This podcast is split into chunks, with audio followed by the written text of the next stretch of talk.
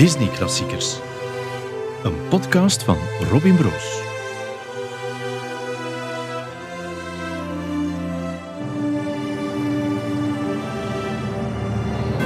Welkom bij Disney Klassiekers, een podcast waarvoor ik elke week een Disney-film opnieuw bekijk om die dan te bespreken met een centrale gast. Deze week is dat Mark Janssens, elke namiddag te horen op Clara met Maestro, maar ook te horen aan het begin van deze podcast, de geweldige stem die de jingle inspreekt. Dag Mark. Dag Robin. Welkom. Dankjewel. Ben je, ben je een Disney-fan?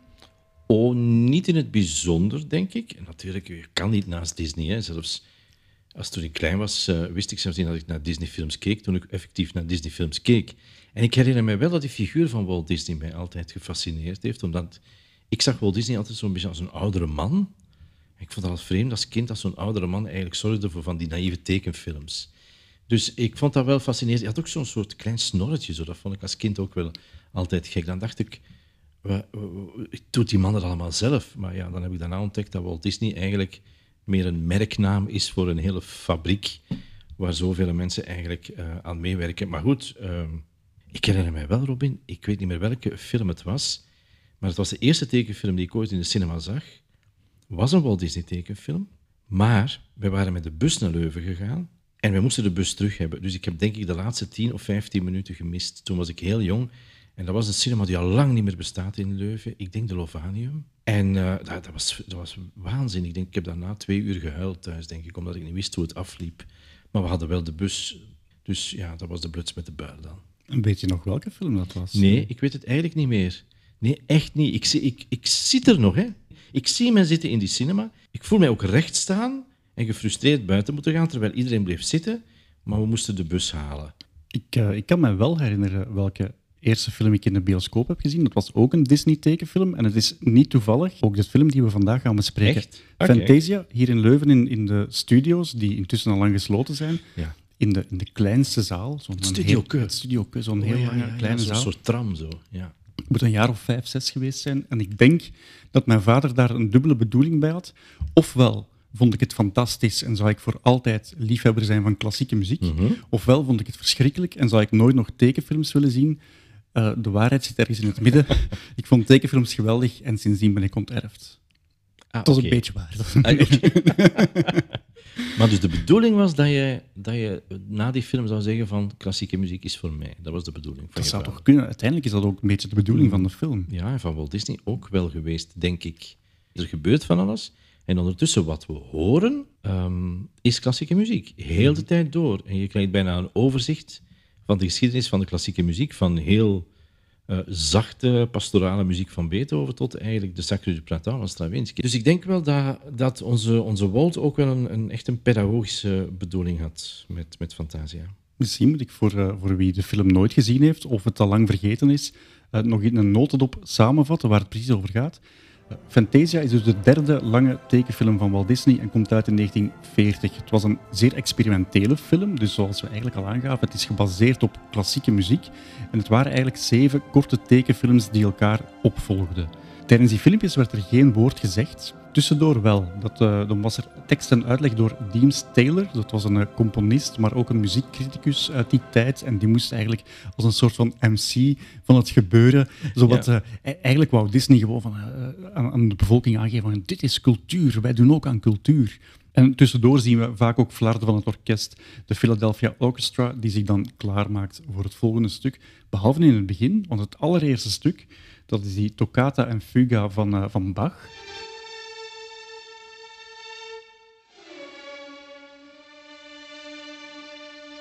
Ja, eigenlijk om te beginnen begint de film al met het orkest dat gewoon zichzelf minutenlang aan het opwarmen is en, en, aan het stemmen is. En dan begint dat stuk. En eigenlijk, dat is vijf, zes minuten waar er gewoon niks gebeurt. We zien gewoon instrumenten spelen en een paar kleuren passeren. Ja, je zou kunnen denken van, als je daarmee begint, uh, die bedoeling van, van de kinderen dan voor klassieke muziek uh, warm te maken, gaat al de mist in. Niet voor niks, het orkest en, en, en Stokowski. Het is eigenlijk een studioorkest gebaseerd op, op, op, uh, op Philadelphia. Maar, maar met Stokowski we gaan zeker nog over de man hebben, want hij speelt wel een bijzondere rol uh, in de tekenfilm. En in de relatie met Walt Disney ook. Ja, misschien moeten we gewoon daarmee beginnen. Ja. Um, Disney leert de man toevallig kennen op restaurants. Uh, blijkbaar zou de anekdote zijn dat zijn vrouw niet zo vaak kookte. Dus ging Disney vaak s'avonds alleen uh, op restaurant. Het was in, um, in, in, de, in in Hollywood. En hij zat daar alleen aan een tafel. Vaak kwamen er dan mensen, zo celebrities, zo wel eens goeiedag zeggen. Van, hey Walt. Fijn dat ja. we jou eens zien. dank ja. wat je allemaal hebt gedaan voor onze prachtige Amerikaanse cultuur. Ja. Maar die dag zag hij dus um, Sokowski zitten, een paar tafels verder, nodigt hem uit en vertelt hem over een idee dat hij heeft. Op dat moment, uh, Mickey Mouse was niet meer zo'n populair figuur en dat was een probleem, want Mickey Mouse verkocht namelijk heel goed in merchandise. Dus hij broedde op een idee om dat, dat personage een nieuw leven uh, uh, in, te, in, te, geven. En het idee was om dat dan te linken aan klassieke muziek. Ja. En de dirigent die is, die is zo enthousiast dat hij meteen zegt, ja, dat wil ik doen, ik wil er zelfs geen geld voor. En ze hebben drie uur gediscussieerd over hoe ze dat gingen aanpakken. Oké, okay. Stokowski was rijk genoeg op dat moment denk ik dus dat hij zei van ik wil er geen geld voor. Dat was niet omdat hij een boterham minder zou moeten eten dan. Ik, ik heb je ook vaak afgevraagd van waar zit de chemie tussen die twee mannen? Want dat moet er wel zijn. Uh, maar ik denk dat er ook heel duidelijke afspraken waren. Stokowski was een, iemand die zichzelf ook graag bezig zag. Um, was een dirigent die tot op vandaag een beetje een dubbele reputatie heeft in de klassieke muziek ook. Stokowski is een grote dirigent geweest van heel wat wereldorkesten, maar tegelijkertijd was het een showbeest. Um, en was iemand die ook veel muziek naar zijn hand zette. Als je vandaag um, muziek opzet onder leiding van Leopold Stokowski, dan zou het wel eens kunnen zijn dat het een bewerking is die hij gemaakt heeft van een bestaand stuk. Hij heeft zo ongelooflijk bezig gehouden tijdens zijn leven met bewerkingen te maken. En allemaal in de richting van showachtig. Hij bewerkte niet iets klein, dat naar iets kleiners, maar altijd iets naar iets groters wat indruk maakte. Dus Stokowski was wel een hele bijzondere, een hele bijzondere figuur. Het verbaast me ook niet dat Stokowski daarvoor te vinden was, voor zo'n project van, van, van, van Disney. Ik denk dat ook weinig dirigenten ook toen en vandaag bezig zijn met ja, muziek en tekenfilm. En ik moet dat dan dirigeren. En ik kom ook voor een stuk in beeld. En zo die schaduwbeelden die je dan ook ziet. Maar Stokowski kwam graag in beeld. Dus uh, ik denk dat de beide heren elkaar ook kenden. En aanvoelden en wisten wat ze, wat ze van elkaar konden, konden verkrijgen, zeg maar. Past eigenlijk helemaal in wat Stokowski ook wou. Want je kan dan wel vragen stellen bij het feit dat hij bewerkingen maakte. Hè, Bach op orgel ging, ging hij dan omzetten naar orkest. Hè, toccata en fuga. En dat klonk dan, dat moest dan klinken als een orgel, maar dat was eigenlijk een orkest dat uit zijn voegen barstte. En alle organisten dachten, wat is dit voor, voor een verschrikkelijk gedoe.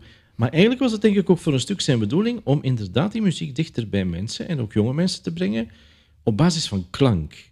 Disney doet dat op basis van wat je ziet en, en hoe, prikkel, hoe, hoe, hoe prikkelend dat kan zijn. En Stokowski doet dat op basis van, van muziek. Dus ik denk dat ze daar elkaar wel in gevonden hebben. Blijkbaar zou Disney zich aan de andere kant toch ook wel heel erg hebben laten doen door uh, Stokowski. Wanneer bijvoorbeeld um, Disney zei, maar wat ik nu hoor, dat, uh, dat is oranje voor mij. Dan, en Stokowski zei dan, nee, ik vind toch eerder dat het paars is, dan was het paars. Ah, oké. Okay. Hij volgde altijd. Ja, ja, ja. Maar kan... hij wel zijn meerdere erkende. Kan ik me wel voorstellen, ja. Natuurlijk had Stokowski ook echt wel nodig. Hè. Ik denk niet dat Disney de keuze had op dat moment tussen vijf dirigenten om zo'n project te doen. En hij kon gebruik maken van het feit dat dat, dat show-element van Stokowski, waardoor Stokowski ook geen problemen had om zich in zo'n project uh, ermee achter te scharen. En Stokowski kon dan ook bewerkingen van zichzelf gebruiken in die film, zoals Bach bijvoorbeeld, of Beethoven een beetje aandikken, of, of de leerling Tovenaar daar, wat ook wel wat klinkt dat ik denk van, uh, hij heeft de muziek wat teken, uh, als tekenfilmmuziek laten klinken, ook al was dat oorspronkelijk gewone klassieke muziek. Je merkt wel dat Stokowski in de uitvoering die hij voor Fantasia opneemt, dat hij toch wel meer met dat, dat, dat, ja, dat, speelse element van die tekenfilm door laat wegen in, in de muziek. Dus ik denk dat hij zich voor een stuk ook wel aanpast. En naar zoiets en zo iemand was Disney natuurlijk ook op zoek. Uh, uh, Oké, en hij zal dan wel gezegd hebben van Stokowski, jij zegt zo gelijk, maar het zal ook aan de andere kant, zal het met Stokowski ook wel veel makkelijker geweest zijn om tot zoiets te komen dan met een dirigent die zei van want dit en daar moeten we dat. Sorry, het was wel Walt Disney te doen om een tekenfilm te maken met die muziek bij en die symbiose tussen de twee. Maar een dirigent die de hele tijd moeilijk staat te doen en die denkt dat hij gewoon een concert aan het dirigeren is, dat is het natuurlijk niet. Is het niet gek dat, hij dan, dat de dirigent er dan niet op stond van, van zelf ook die master of ceremony te zijn? Dat hij, dat hij eigenlijk amper iets zegt? Ja, dat kan, kan mij voorstellen dat dat wel misschien een discussiepunt zou geweest zijn. En dat Stokowski... Alleen, ja, Stokowski, hij heeft dat gedaan. Hè. Hij heeft zo van die concerten opgenomen waarbij hij dan zelf zo'n inleiding geeft en vertelt. Maar eerlijk gezegd, Stokowski kwam dan toch een beetje over als een, uh, ja, zo'n geleerde Brit. Die zo eerder uh, een, een inleiding op een les gaf dan een inleiding op een concert. Laat staan een inleiding of tussenstukken in een, in een tekenfilm voor kinderen. Dus ik denk dat dat niet zo... Ik denk dat misschien Disney, mocht hij dat gehad hebben als idee, na een tijdje toch ook wel zou gezegd hebben, uh, Leopold of Polle, hè, uh, zouden we daar toch niet beter iets anders voor bedenken. Stokowski was, Stokowski was niet Bernstein. Iemand die dat ook zou kunnen gedaan hebben, was Leonard Bernstein. Omdat dat iemand was die, die wist van ja, voor welk publiek hij stond en voor welk publiek hij werkte en hoe hij dat dan moest verwoorden en zelfs moest verschijnen en inpakken. Stokowski was daar niet mee bezig. Stokowski was heel erg met zichzelf bezig, had een imago en wou dat ook een beetje overeind houden hier, dat imago. Trouwens, het, het, idee voor heel die Fantasia zou van Stokowski dan gekomen zijn, want het begon dan wel met die tovenaarsleerling mhm. en uh, Mickey Mouse, een kort filmpje zo. Maar blijkbaar waren de kosten van dat filmpje zodanig hoog geworden, omdat het ook wel er goed moest uitzien en ook wel bijzondere technieken vroeg. En dan dat de opname, ondanks het feit dat de gage wegviel van Stokowski, dat die opname toch ook wel verschrikkelijk duur werd met zo'n uh, volledig orkest. Zo is het idee ontstaan om, om ja, een, een langspeelfilm te maken. Nu, die, dat, als je het hebt over de, dat fragment, de leerling tovenaar.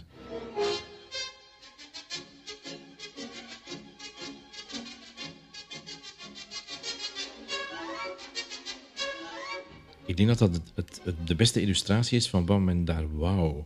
Er is een soort simultaan idee van, van, van beeld en muziek, wat eigenlijk ongelooflijk is en wat je eigenlijk in geen enkele andere film ziet. Je zou zelfs kunnen denken, als je naar die film kijkt, dat die muziek gecomponeerd is voor die film, bij wijze van spreken. De stapjes die Mickey Mouse zet op de trap, ja, dat komt perfect overeen met wat er in het orkest gebeurt. Dus het is, en dat is eigenlijk ook de ongelooflijke fantasie in de film, en ook iets wat je eigenlijk aan het lachen brengt, dat is dat het, het is onvoorstelbaar. Bedoel, je, je hoort een triangel in het orkest en er gebeurt ook iets heel kleins op een fractie van een seconde in de film. Op net de seconde van die triangel. En dat, dat, is, is eigenlijk ook fantastisch. Maar, en hoe dat er bijvoorbeeld, als er iets klein gebeurt, heb je een klein instrument in het orkest. Gebeurt er iets groter, gebeurt er ook iets groter in het orkest. En dat is, dat is magie. Alleen, moet je het is wel 1940. Hè? bedoel, dat is niet met de technieken van vandaag. Maar eer dat het zo perfect was, ja, dan kan ik me voorstellen dat dat veel geld gekost heeft. Maar het resultaat, alleen al van die ene scène, waar de verbeelding zo fantastisch is en waar je denkt van, mijn god, Ducas heeft die muziek precies gecomponeerd met Mickey Mouse in zijn achterhoofd, terwijl dat niet zo is. Dus in die zin wordt hij ook een beetje op verkeerde been gezet. Maar de fantasie die daaruit spreekt, dat is voor 1940. Ik wist eigenlijk niet dat het... Ik dacht dat het later was, maar als ik dan zag 1940... Ja, wat een fantastisch resultaat. Ja. Ik heb het altijd gek gevonden dat het uh, uitgerekend Mickey Mouse was in dat filmpje. Want Mickey Mouse was eigenlijk altijd de goedzak, degene die grappige dingen beleefde en, en die voor de oplossingen zorgde in de mm. korte tekenfilms. Terwijl een personage als Donald Duck was degene die er dan een puinhoop van maakte. Ja. ja, je zou kunnen denken, laat dit gewoon door Donald Duck doen. Ja, en het is een beetje een atypische, een atypische Mickey Mouse, dat klopt. Maar ik vind wel de, de, de idee leuk van de, wat hij daar doet. Hè die leerling-tovenaar. Uh, dus ja, hij is een tovenaar, maar eigenlijk ook nog een leerling-tovenaar. Dus het klopt eigenlijk niet echt. Het een beetje fout op een bepaald moment. Maar ik vind die figuur van Mickey Mouse dan wel... Toen ik daarnaar keek, dacht ik van... Oh, ik heb eigenlijk ook wel iets van Mickey Mouse. Um, ja, hij, hij, bedoel, die bezem komt dan tot leven. Wie zou dat niet willen, dat zijn bezem tot leven komt? En, dat er, en die bezem moet dan, van, moet dan water gaan halen. Uh, de manier waarop dat gebeurt, ook muzikaal is trouwens fantastisch. Uh, achteraf denk ik dat... Dat Disney ook zegt van ja, met die ene scène van Mickey Mouse, nog voor die andere scènes er zijn, we kunnen eigenlijk een soort uh, Fantasia of Fantasia, we kunnen er eigenlijk verschillende versies van de film maken, de jaren die erop volgen. We gaan iedere keer een scène bij doen en we gaan iedere keer ook een nieuw publiek hebben dat komt kijken van oh, wat is de nieuwe scène in de film? En de mensen en de jongeren en de kinderen en de volwassenen gaan nog altijd evenveel plezier beleven aan die mhm. andere scènes. Net omdat ze zo heel goed gemaakt zijn en eigenlijk compleet niet voorspelbaar. Dat is niet naar de film waar je zit te kijken waar je denkt van ja, oké. Oh, ik heb het al gezien. Ik weet wie de moordenaar is. En nu anderhalf uur gaan we... Ah ja, het is dat. Nee, dit is zo spitant, van begin tot einde, en zo goed gevonden, dat ik kan dat blijven bekijken. Hij zag het ook als een soort van roadshow. Dus het was niet gewoon iets gemaakt voor um, filmtheaters, maar voor echte theaters, waar het doek ook echt open ging. En effectief, zoals je zegt, om, waar dan nieuwe versies van konden gemaakt worden met nieuwe filmpjes. Mhm. Maar er was ook speciaal voor die film um, een nieuw geluidssysteem bedacht. Dat heette dan, uh, ik geloof, Fantasound. Ja, dat zou kunnen. Ja, ja, dat is nooit echt uh, commercieel doorgebroken. Uh, maar dat was de eerste ja, commerciële film waarin, waarin stereogeluid kon geprojecteerd worden. En Disney stond er ook op dat elke zaal die het zou projecteren, dat men dat zou installeren. Dat kostte 85.000 dollar. Dat is een gigantische investering. En uiteindelijk wou bijna niemand die investering doen, zodat de distributeur besloten heeft van... Uh, we gaan hem wel gewoon uitbrengen in het uh, reguliere circuit. Ja, we gaan niet op tournee. Ja. Nee, okay. En zelfs, we knippen er die gekke introductie vanaf en alle tussenstukjes er gewoon uit. Ja, Trouwens, ik denk, mocht de film misschien 10 of 15 jaar later gemaakt zijn, dan wel wat evidenter zou geweest zijn om zo'n systeem uh, op te zetten. Maar ik kan mij wel voorstellen, omdat, je mag niet vergeten, dit is een film die het, die het net moet hebben van die, van die combinatie van muziek en film. Dus als je de film mooi krijgt en je op een, op, op scherm en, en, en dan kan ik me voorstellen dat hij wou van dat de kwaliteit van de muziek en de ervaring van de muziek vooral. Want uh, dat, je hoort dat eigenlijk ook. Stokowski heeft ook altijd gedirigeerd op effect. Daarmee wil ik zeggen, van Stokowski zal daar ook wel voor te vinden geweest zijn. Van mee te gaan met zijn tijd en te zeggen van, ah ja, een nieuw systeem, een nieuwe filmervaring. Je zit als het ware in het midden van de film en met die stereo en met al die geluiden die van links en rechts komen. Dat is ook echt iets voor Stokowski. Stokowski componeerde ook heel veel met effect in zijn achterhoofd. Met, dat mensen zoiets hadden van, wauw, wat gebeurt er nu? Dus, dus ook daar denk ik dat ze elkaar wel gevonden hadden van er een grote ervaring van te maken, in plaats van we gaan gewoon naar de cinema, naar een tekenfilm kijken. Het, uh, het muziekstuk net voor die tovenaarsleerling was uh, de Notenkrakersuite van Tchaikovsky. Waar men eigenlijk iets heel raar gedaan heeft, want mm, ja, dat was een bekend ballet waar effectief notenkrakers ook op het podium stonden. In, in dit filmpje heeft men daar volledig van afgezien en gaat het eigenlijk over een soort van veranderen van de seizoenen. Ja, en, um, en daar, ik heb gelezen dat daar ook wel wat um, discussie over geweest is. Omdat er zit natuurlijk, um, dus dat is een traditioneel ballet, waar men dan wel een draai aan geeft. Maar er zit eigenlijk uh, als contrast toch andere uh, balletmuziek in, die natuurlijk niet zo ervaren werd, begin 20e eeuw, die gecomponeerd werd, en dat was de Sacre du Printemps. Dus die twee elementen zitten erin en dat vind ik wel belangrijk. En je ziet, en wat ik ook fijn vind, is dat, dat uh, er geëxperimenteerd wordt bij allebei. In die zin dat er um, bij, de, bij die notenkraker, ja, dat is, dat is wel fijn om naar te kijken. Um, maar eerlijk gezegd, Robin, dat vond ik een van de mindere momenten. Omdat, dan denk ik van, ja, de notenkraker, hoe je het ook draait of keert, dat is een Tchaikovsky-ballet. Daar zit wat melancholie in, daar zit wat... Ja, dat is, dat is, dat is, dat is iets naïefs, eigenlijk. En uh, wat, eh, wat mij opvalt door heel de tekenfilm, daar zit niet veel naïviteit in. Uh, daar zitten zachtere momenten in, daar zitten momenten in die lyrischer zijn. Maar van die naïviteit is er eigenlijk bijna geen sprake. En daarom vind ik dat misschien een van de minste scènes, vooral omdat er dan ook die Sacre du Printemps van Stravinsky in zit. Die ik eigenlijk fantastisch vind. Omdat, je, mag, je moet je inbeelden, Vandaar denk ik dat hier ook Tchaikovsky bij was. Tchaikovsky is echt een ballet naar de oude vormen van een ballet. Namelijk een naïef verhaal waarbij de muziek en de dans prioritair zijn en het verhaal aan zich, god ja, dat zijn we eigenlijk een beetje vergeten.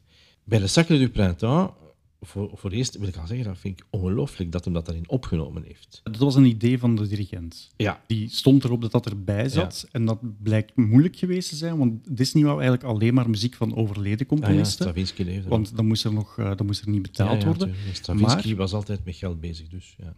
ja, altijd. ja, voilà. En wat, wat, heeft, wat heeft Disney gedaan? Die heeft hem een telegram gestuurd naar Parijs, waarin stond, daar stond geen vraag in, mogen okay. we jouw muziek gebruiken? Daar stond gewoon in, we gaan jouw muziek gebruiken in bijlage zit een contract waarbij je recht hebt op 5000 dollar voor het gebruik van die muziek, wat veel te weinig geld was. Maar stond er ook weinig subtiel bij, uh, als je niet instemt, gaan we toch gebruiken, verwijzend naar dat het copyright waarschijnlijk vervallen was, omdat het copyright um, was goedgekeurd op het moment dat uh, Rusland nog onder de tsaren viel. Intussen was Rusland communistisch geworden en was er waarschijnlijk geen rechtsgeldigheid meer. Stravinsky heeft uiteindelijk met heel tegenzin toch dat contract getekend en 5000 dollar gekregen.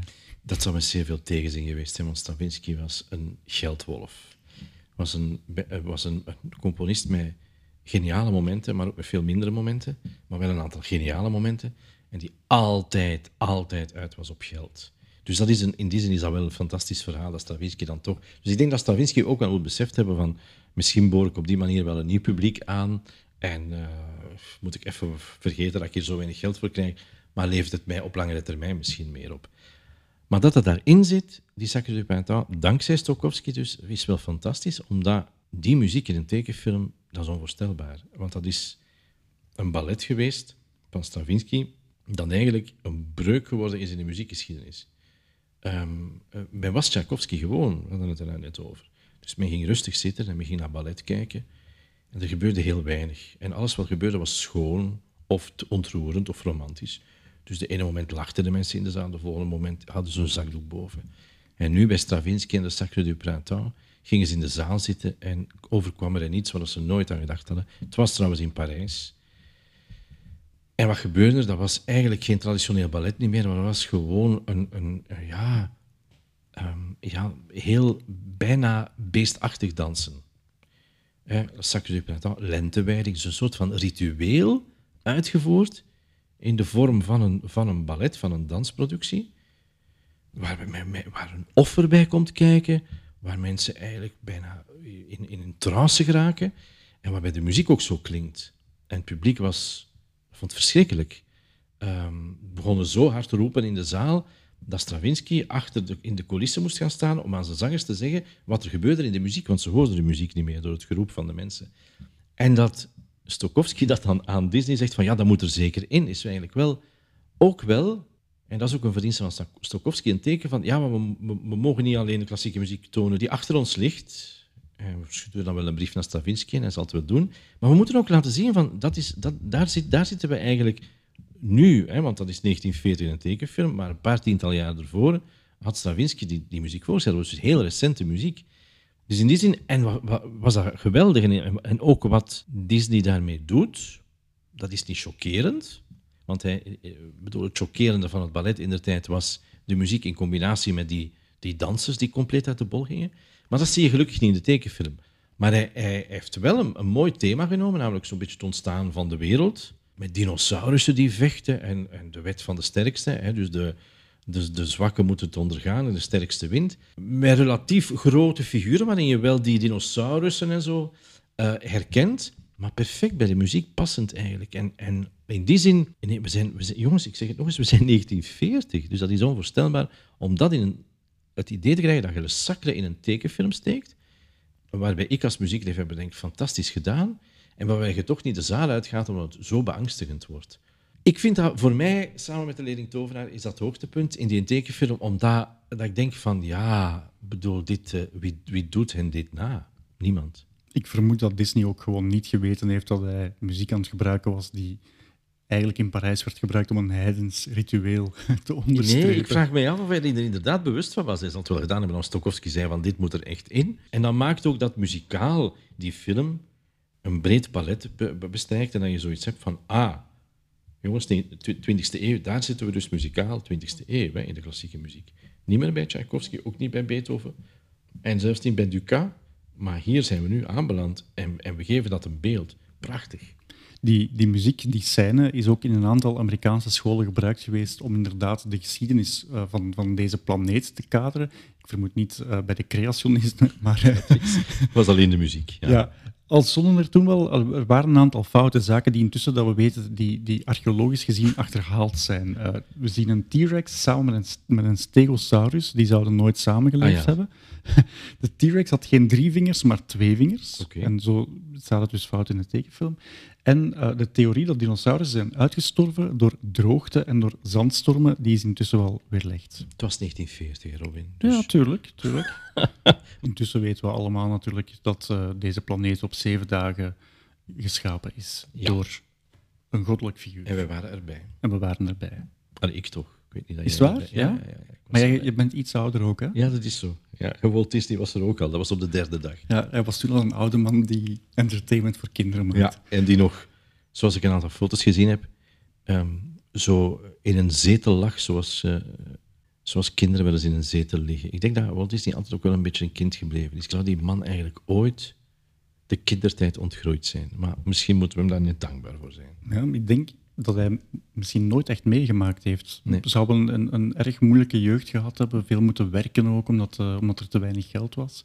Misschien heeft hij dat allemaal goed gemaakt, gecompenseerd. Ja, en ik heb ook wel eens horen vertellen dat hij ook niet altijd de makkelijkste man was hè, om mee samen te werken. Integendeel. Dus, dus eh, ja, er zijn ook lelijke dingen over Disney verschenen. Laten we eerlijk zijn over de figuur van, van Walt Disney. Maar ja, ik weet niet of heiligen tekenfilms maken. Dus je moet dat van Walt Disney dan ook niet verwachten dat, dat die man een heilige was. Maar ik denk dat hij wel tekenfilms gemaakt heeft ehm, die, we, die gewoon collectief, in collectieve geheugen zitten en waar we allemaal wel iets mee kunnen doen. En op een of andere manier door geraakt worden. Laten we een ander filmpje bijnemen hè, uit deze eh mozaïekfilm, De Pastorale van Beethoven.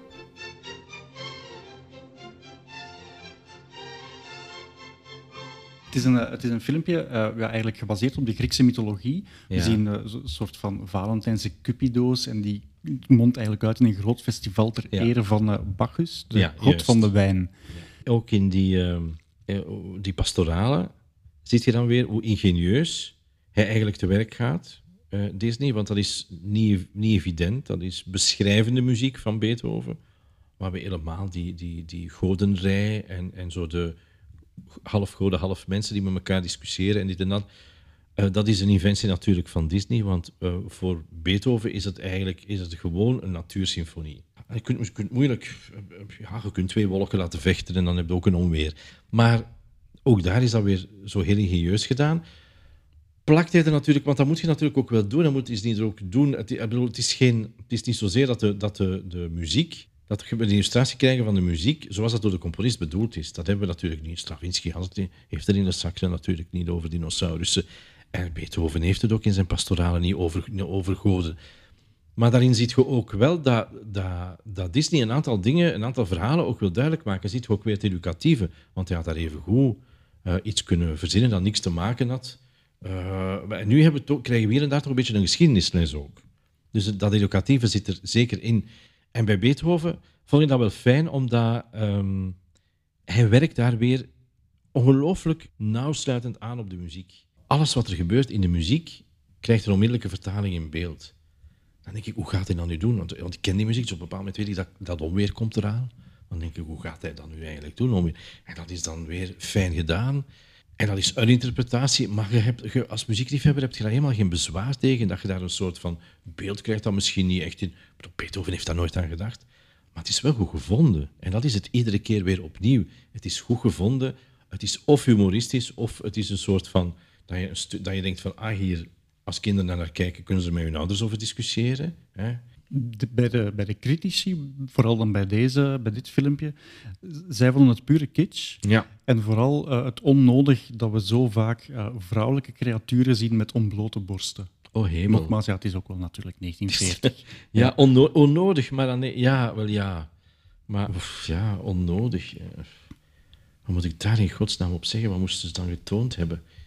Allee, ja, als, je, als, je die, als je die Griekse beelden ziet, dat heb je toch ook niet al... Allee, we, zitten niet, we zitten niet bij de Romeinen, waar, dat er, een, eh, waar dat er een doekje voor gehangen werd of zo. Ja, die Griekse beelden zijn vaak eh, gewoon levensecht, hè, punt uit.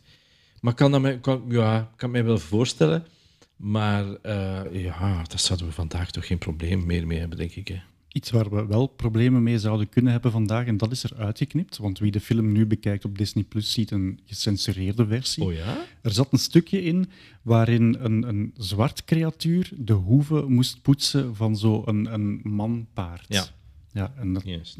verwijst natuurlijk naar, naar slavernij en naar zaken die we hopelijk al lang achter ons hebben laten liggen. Ja. En dat is wel, ja... Het is wel vreemd dat dat er dan in zit ook natuurlijk. Hè. Nou, Allee, vreemd, ik wil zeggen van, dat niemand daarbij stilgestaan heeft toen, 1940. Allee, dat waren toch ook geen... ehm ja, dat zat toch in de wereld waarin er denk ik ook wel nagedacht werd. En dat daar niemand op een bepaald moment een bezwaar tegen had en dacht, nu ja... Achteraf, achteraf gezien is het allemaal gemakkelijk natuurlijk. Er zitten heel veel films waar we dingen zouden kunnen uitknippen. Bij de FC de kampioenen doen ze dat ook. En hier dus ook, blijkbaar. Ja. ja, toch? Je bedoelt weghalen van 14 nu? Ja, Bijvoorbeeld, dat, was Ja. geen, dat is niet gemaakt in 1940. Hè? Nee, nee, nee, Nee. integendeel. Nee. Er zit nog een, eh, een ballet in, de urendans.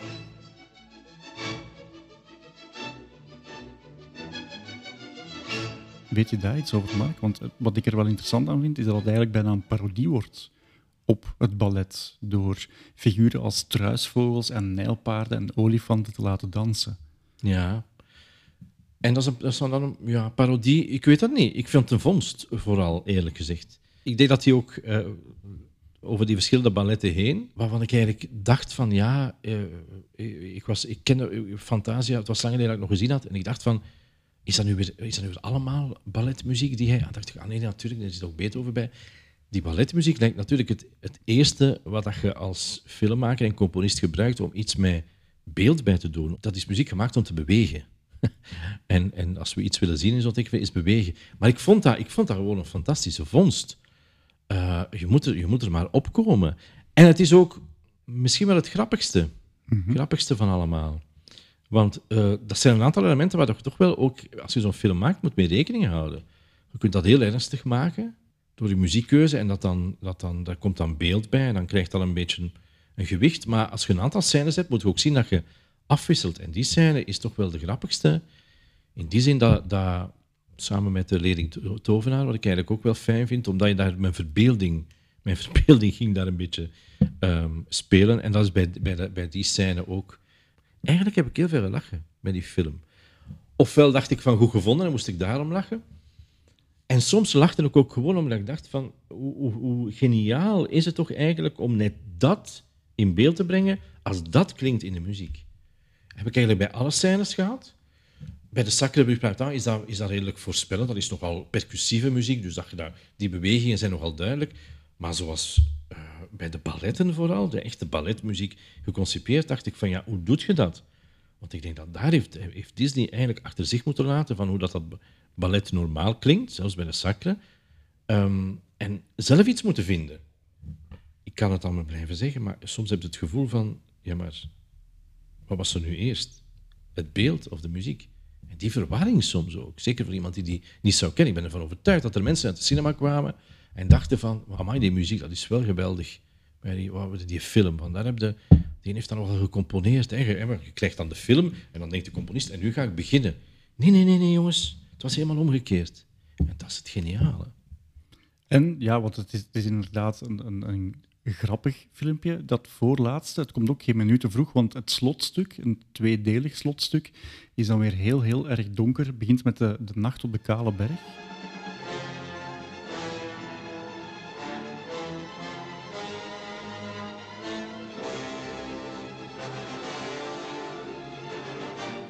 Met een gigantisch monster. Toch? Ja, absoluut. Ja, ja.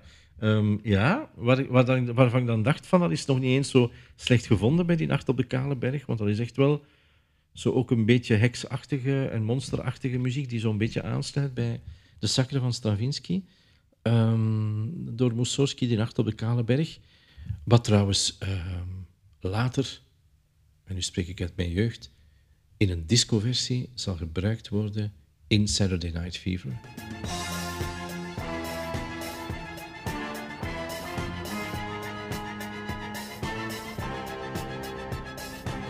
John Travolta danst op een discoversie van Nacht op de Kale Berg in Saturday Night Fever in de discotheek. Nee, Zo heb ik is- trouwens die muziek leren kennen. Ik kende Nacht op de Kale Berg niet. En toen eh, keek ik naar Saturday Night Fever en dacht ik, jezus, op wat is John Travolta nu aan het dansen? Wacht eens even, eh, Saturday Night Fever, iets van 77 of zoiets? Ja. Dus ik was nog heel jong, maar je ziet, het is bijgebleven. Dus Voor het monster trouwens Ja. hebben ze een acteur ingehuurd om dan in de studio te komen bewegingen doen, eh grootse gebaren te maken waarop ze zich konden baseren. En dat was Bela Lugosi, de acteur die Dracula speelde Ah, juist, ja, ja. in de jaren 30. Ja, klopt, ja. En die moest dus naar de studio komen? Ja, die heeft daar drie dagen rondgelopen en die diende een beetje als live-action model. dan konden de tekenaars eigenlijk ja, schetsen maken terwijl die bezig was, om te zien hoe een monster gebaren zou maken.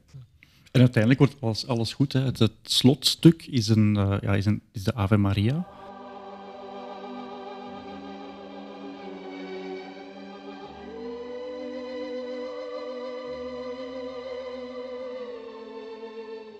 Aanvankelijk was die bedoeld, of, of was de tekenfilm bedoeld, het is een soort van ja, tocht door het bos. En aan het einde van het bos zou een grote kathedraal staan met daarin een, een grote Madonna. Uiteindelijk heeft men daarvan afgezien, omdat het dan misschien te religieus werd en misschien niet voor alle publieken uh, kon dienen. Nu zien we eigenlijk gewoon ja, licht aan het einde van de tunnel, een soort van uh, ja. zonopkomst. Ja, wat op zich uh, niet de sterkste.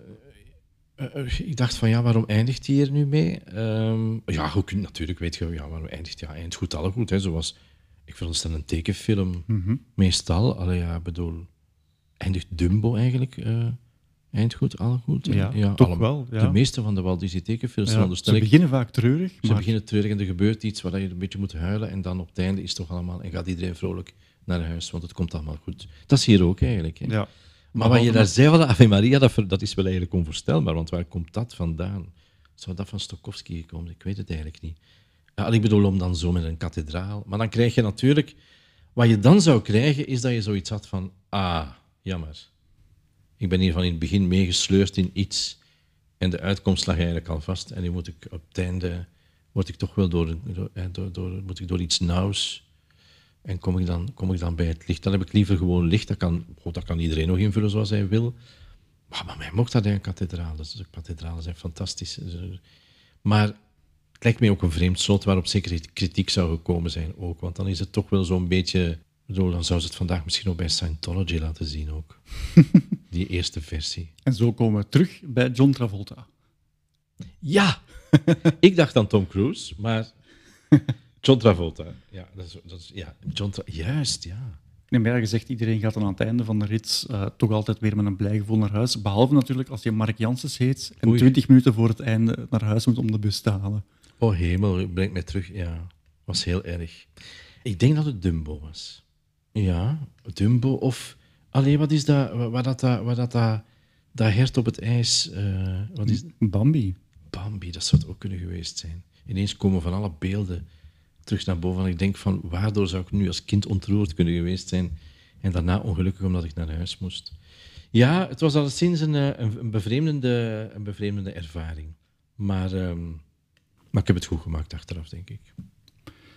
De, de, film is uiteindelijk niet echt een succes geweest. Niet op het moment zelf, maar ook niet in de jaren daarna, wanneer die dan terug werd uitgebracht uh, na de oorlog, in de hoop dat mensen ja. het dan wel zouden begrijpen. Um, Walt Disney moet het ooit één keer aan zijn broer gevraagd hebben. Wat vond jij er nu van? Roy Disney was eigenlijk een beetje zijn zakenpartner van het bedrijf. En die zei, ja, ik, uh, ik vind de muziek niet zo goed. Ik zou er meer um, Tommy Dorsey ingestoken hebben. Ah, ja. Dat was de trompetist onder meer bij Sinatra. Dat was op dat moment gewoon een, een populaire muzikant. Sindsdien zou Walt Disney nooit nog om advies of een mening van zijn broer gevraagd hebben. Ja. Een kenner was het, zijn broer. Ja. Absoluut. Maar ja, Fantasia, het is iets uh, bedoeld ooit wat kon blijven lopen, wat als programma kon blijven aangeboden worden. Het is één keer opnieuw gebeurd in het jaar 2000. Dan heeft ook een Roy Disney, neefje van Walt Disney, Roy Ja. Disney, een nieuwe versie gemaakt, Fantasia 2000, waar de tovenaarsleerling bewaard gebleven is en de rest zijn allemaal nieuwe, nieuwe stukken. Ja. Nieuwe tekenfilms, maar ook nieuwe stukken muziek, zelfs jazzmuziek. Maar ook dat was geen, Geen geweldig succes. succes. Merkwaardig, hè? Alleen merkwaardig, nee. Nu, het is natuurlijk ook een heel atypische Disney-tekenfilm. Dit is, ja, ik blijf erbij, het heeft natuurlijk iets educatiefs. Maar ik weet niet of ik daar zo in geloof dat dat de bedoeling moet zijn van een tekenfilm of van, je, of van, van een kinderen te overtuigen. Ik vind gewoon, dat is een fijne tekenfilm om naar te kijken. Bij het ene scène zullen de kinderen al wat uitgelaten zijn en de andere zullen ze misschien wat angstiger meer kijken van wat er gebeurt er. Maar om nu te zeggen van, en het resultaat moet dan zijn dat kinderen uit de cinema komen en zeggen, mama, papa, eh, gaan wij een plaat van Stokowski kopen? Eh, nee. Eh, dat is nog eens nooit gelukt. Ehm, Of gaan we volgend jaar naar Brussels Philharmonic in plaats van de Samson en Gert Kerstshow? Voilà, dat zou nog spectaculairder zijn, maar daar wil ik mij helemaal mijn geld niet op verwedden, want dat zal niet gebeuren. Dus in die zin is dat gewoon een filmervaring, heel fijn. En ik hoop dat daar, dat, dat daar iets blijft van hangen, net van die verbeelding. En dat is het dan ook. En daar, alleen, ik bedoel, wat Dumbo verandert toch ook de mensen hun leven niet, hè? van daarna te zien je dat ook niet op het einde van oh, nu moet ik iets anders gaan doen in mijn leven. Dat is gewoon zoals de, de allernieuwste Disney's, die, die, die ja, want tekenfilm is natuurlijk echt spectaculair geworden de voorbij sinds 1940. Ja, dat is gewoon entertainment. Alleen dit is entertainment en spreekt mij dan ook aan omdat het met muziek gewerkt wordt. En, eh, en dat eigenlijk gebeurt met heel veel respect voor de muziek, samen met muzikanten. Hè, Stokowski was toch ook niet niemand? En dat maakt het natuurlijk wel fijn, omdat het heel integer is en gedacht vanuit een liefde voor die muziek ook. Maar ik heb altijd, zo van die missionarissen van de klassieke muziek, daar heb ik altijd een beetje problemen mee, omdat ehm, de echte missionaris zit in uzelf. Dat is namelijk, ontdekt op een bepaald moment iets, je luistert daarnaar, wordt daar helemaal niet op voorbereid en je denkt van wauw, en dan gaat je zelf verder zoeken. Maar als iemand u komt zeggen van kijk hier eens naar of luister hier eens naar en dan zult je wel daarna, nee, geloof ik niks van. Ik onthoud eigenlijk van vandaag vooral dat jij Nacht op de Kaleberg toevallig ontdekt hebt Ja. dankzij John Travolta. Eh. en dat je Dumbo nooit helemaal uitgekeken Nee, hebt. nee, in de cinema als kind toch niet. Nee, nee, nee. En dat ik mij nog levendig herinner in- wanneer we moesten opstaan en naar de bus gaan. En dat was traumatiserend. Wel, eh, misschien kan je volgende week meedoen, gewoon voor de sport. Want volgende week kijk ik naar Dumbo. Ah, Maar Mark, hartelijk dank voor jouw onwaarschijnlijk interessante achtergrondverhalen bij, bij deze muziek. Geen probleem, kijk, voilà. Dus het, heeft, het heeft dus meer effect dan naar de cinema gaan. Absoluut. Eh, voor, bij, voor Walt Disney, ja. Alsjeblieft, Robin. Dank